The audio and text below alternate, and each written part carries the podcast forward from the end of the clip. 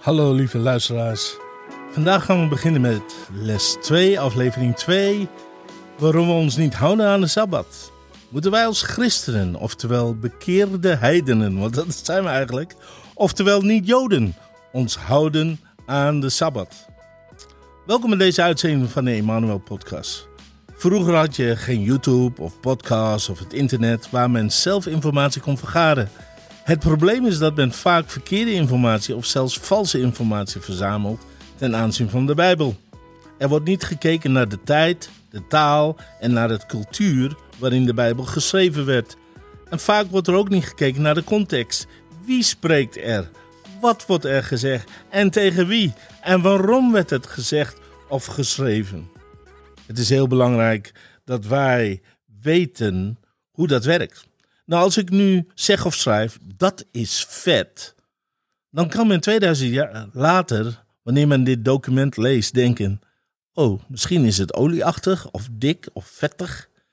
Terwijl het in deze instantie totaal niks te maken heeft met vet of olie.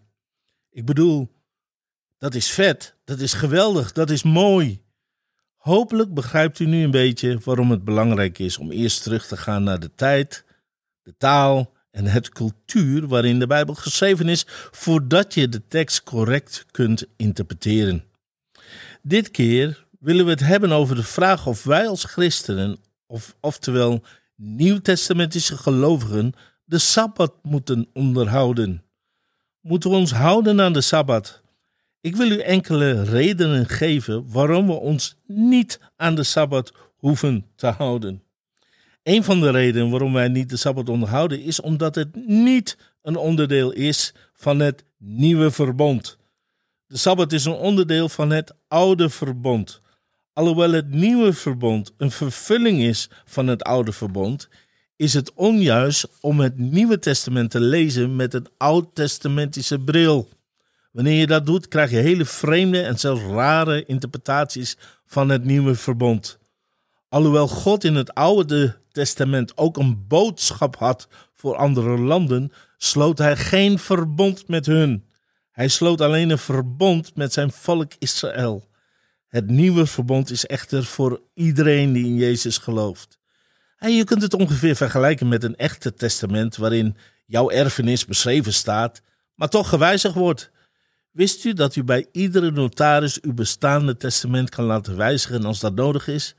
Het maakt dus niet uit bij welke notaris u uw testament destijds heeft gemaakt. U kunt dus uw testament opnieuw laten maken.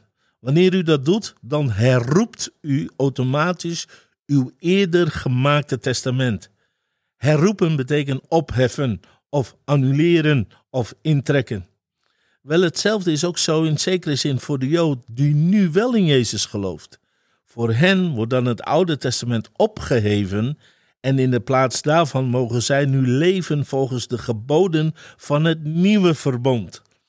Maar voor ons heidenen, de niet-Joden, is het nieuwe verbond tot ons gekomen door middel van de zegen van Abraham. Laten we gelaten 3 vers 12 en 14 lezen. Doch bij de wet gaat het niet om geloof, maar wie dat doet, zal daardoor leven. Je moet dus dit doen, je moet dus dat doen en dan zal je leven. Maar daar staat, Christus heeft ons vrijgekocht van de vloek van de wet, door voor ons een vloek te worden. Weet u wat de vloek van de wet is? Is niet alleen ziekte, is niet alleen armoede, is niet alleen de dood. De vloek van de wet is dat geen enkel mens zich aan de wet volledig kan houden. Vervloekt is een ieder die aan het hout hangt. Zo is de zegen van Abraham tot de heidenen gekomen in Christus Jezus, opdat wij de belofte des geestes ontvangen zouden door het geloof. Hier zien we dat Christus duidelijk een verschil heeft gemaakt tussen de wet en geloof. Maar laten we eens even kijken in het Oude Testament, waar de Bijbel spreekt over de Sabbat en tot wie God dat gesproken heeft. Exodus 31, vers 12 tot en met 17. De Heere zeide tot Mozes, Gij dan, spreek tot de Israëlieten niet spreek tot de Indo's of de Molukkers of de Hollanders. Spreek tot de Israëlieten. Maar mijn sabbaten moeten gij onderhouden, want dit is een teken tussen mij en u. Wie is de u? Het volk van Israël, van geslacht tot geslacht. zodat gij weet dat ik de Heere ben, die u heilig. Gij zult de Sabbat onderhouden, want deze iets is heilig voor u. Wie hem ontheiligt, zal zeker de dood ter, uh, ter dood gebracht worden. Want ieder die daarop werk verricht, zal uitgeroeid worden uit uw midden van zijn volksgenoten. Zes dagen mag men arbeiden, maar op de zevende dag zal er volledige Sabbat zijn. De Heere geheilig, ieder die op de Sabbatdag werk verricht, zal zeker ter dood gebracht worden. De Israëlieten zullen de Sabbat onderhouden. De Israëlieten zullen de Sabbat onderhouden door de Sabbat te vieren, zij en hun nageslacht. En als een altoos durend verbond tussen mij en de Israëlieten is deze een teken voor altoos. Want in zes dagen heeft de Heer de hemel en de aarde gemaakt. En op de zevende dag heeft hij gerust en adem geschept. Dan laten we gewoon deze tekst gewoon heel nuchter bekijken. Tussen wie heeft God de Sabbat als een verbondsteken gegeven? Tussen God en de Israëlieten, dus niet met iedereen. Wat heel veel mensen niet begrijpen is dat God wel meerdere verbonden heeft gemaakt met verschillende mensen. Hij heeft een verbond gemaakt met het volk Israël bij de berg Sinaï. En de Sabbat was het teken van dat verbond. Maar God sloot ook eerder een verbond met Abraham en de besnijdenis was een teken van dat verbond. Maar God sloot ook nog eerder een verbond met Noach en het teken van dat verbond was een regenboog. En in het Nieuwe Testament lezen we dat Jezus zegt dat zijn eigen bloed het teken is van het nieuwe verbond. Kortom, het zijn verschillende verbonden met verschillende tekenen die wij niet zomaar door elkaar kunnen en moeten halen. Nogmaals, we, moeten kijken wanneer God dat gezegd heeft en tot wie hij dat gezegd heeft. Het was een teken tussen God en het volk van Israël.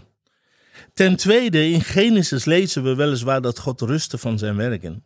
Maar we kunnen nergens een verwijzing vinden over een gebod van God dat men de Sabbat moest onderhouden, en luister goed, voordat de wet van Mozes kwam. We lezen ook nergens dat iemand de Sabbat onderhield, luister goed, voordat de wet van Mozes kwam. Sterker nog, ik wil je een tekst voorlezen, Deuteronomie 5, vers 2 en 3. Daar staat: De Heer onze God heeft met ons, dat is het volk Israël, een verbond gesloten op Horeb, dat is de berg Sinai, of het gebergte Sinai. Niet met onze vaderen heeft de Heer dit verbond gesloten. Dus niet met Abraham, niet met Noach. Dat kun je lezen in Deuteronomie 5, vers 2 en 3. Maar met ons zodat, zoals wij hier heden allen in leven zijn. Dus wie zegt dit? Mozes zegt dit. Tot wie zegt hij dat? Tot het volk van Israël. Over wat spreekt Mozes? Over het verbond dat God sloot met het volk van Israël met de Sabbat als teken. Wat voor een verbond was dat? Een verbond die hij niet sloot met hun vader. Oh, lieve mensen, de Bijbel is gewoon heel duidelijk hierover. Hoe kan een verbond met de Sabbat als teken die God niet gesloten heeft met de aartsvaders, nog met ons als heidenen, toegepast worden op ons. En waarom zouden we terug willen naar het oude verbond, terwijl we door Jezus een nieuw verbond hebben, met een nieuw teken, namelijk het bloed van Jezus? Het houden van de Sabbat, lieve mensen, kan ons niet reinigen van al onze zonden. Het bloed van Jezus wel. Daarom spreekt de Bijbel ook over een beter verbond met betere beloften in Hebreeën 8, vers 6. Maar de Sabbat was niet alleen een teken van het oud verbond, het was ook een reminder, een herinnering dat zij in Egypte waren als slaven die keihard moesten werken. Maar het beloofde land was een land van rust, die zij in konden gaan. Geen werken meer, maar geloof en genade.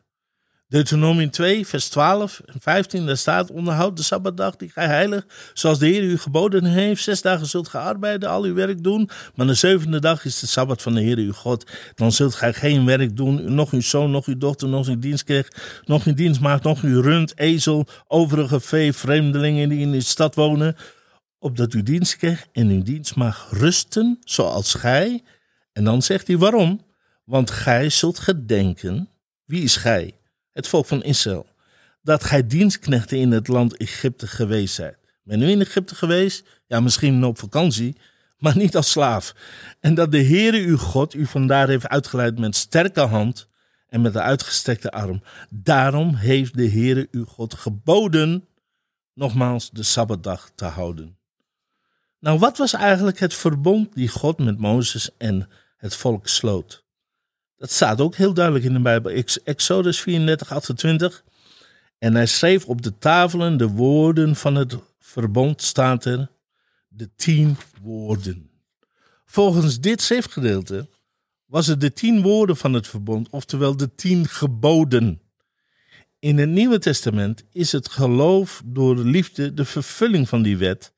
Want als je lief hebt, ga je niet liegen, ga je niet stelen, ga je niet moorden en dergelijke. Maar hoe zit het dan met de Sabbat, Peter? Is het niet een teken voor altoos? Eh, ten eerste zegt God dat tegen het volk van Israël. Maar betekent altoos niet voor altijd? Antwoord is nee. In deze context hoeft het woord altoos niet per definitie voor altijd of eeuwig te betekenen. Ik zal u proberen uitleggen waarom.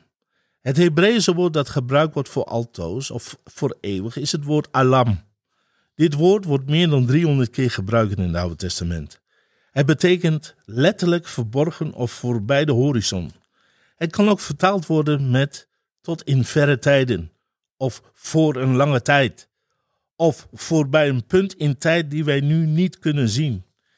Bijvoorbeeld, Jesaja 42 vers 14 staat er, ik, dan spreekt God over zichzelf, heb van oudsher, dat is dat woord alam, gezwegen. Wel heeft God voor altijd gezwegen? Nee. God heeft niet voor altijd gezwegen. Want in de Hebreeënbrief staat geschreven dat hij ook in de laatste der dagen gesproken heeft door zijn zoon. Remia 20, 2 vers 20. Want van ouds, dat woord alam, heb gij uw juk verbroken. Was Israël altijd of eeuwig de Heer ontrouw? Nee.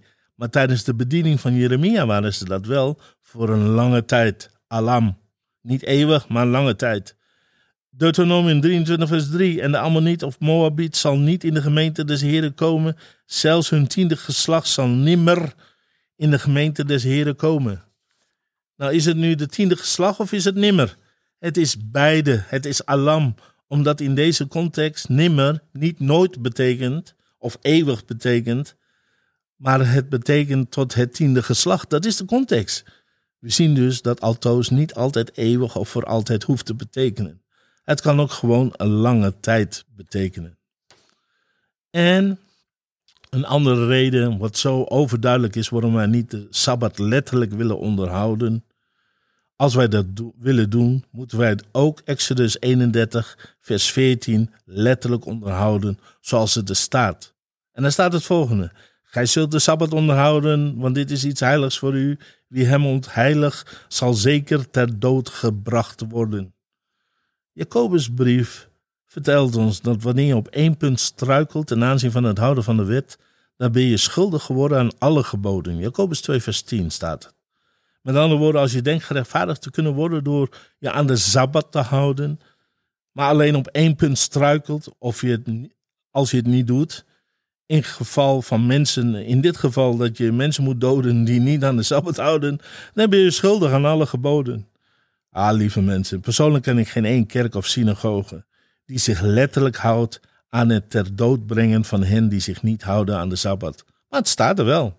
U ziet, wanneer we allerlei Bijbelteksten door elkaar gooien, zonder te kijken naar de context, dat zorgt ervoor dat veel mensen in de war raken en door allerlei van, van leer heen en weer geslingerd worden.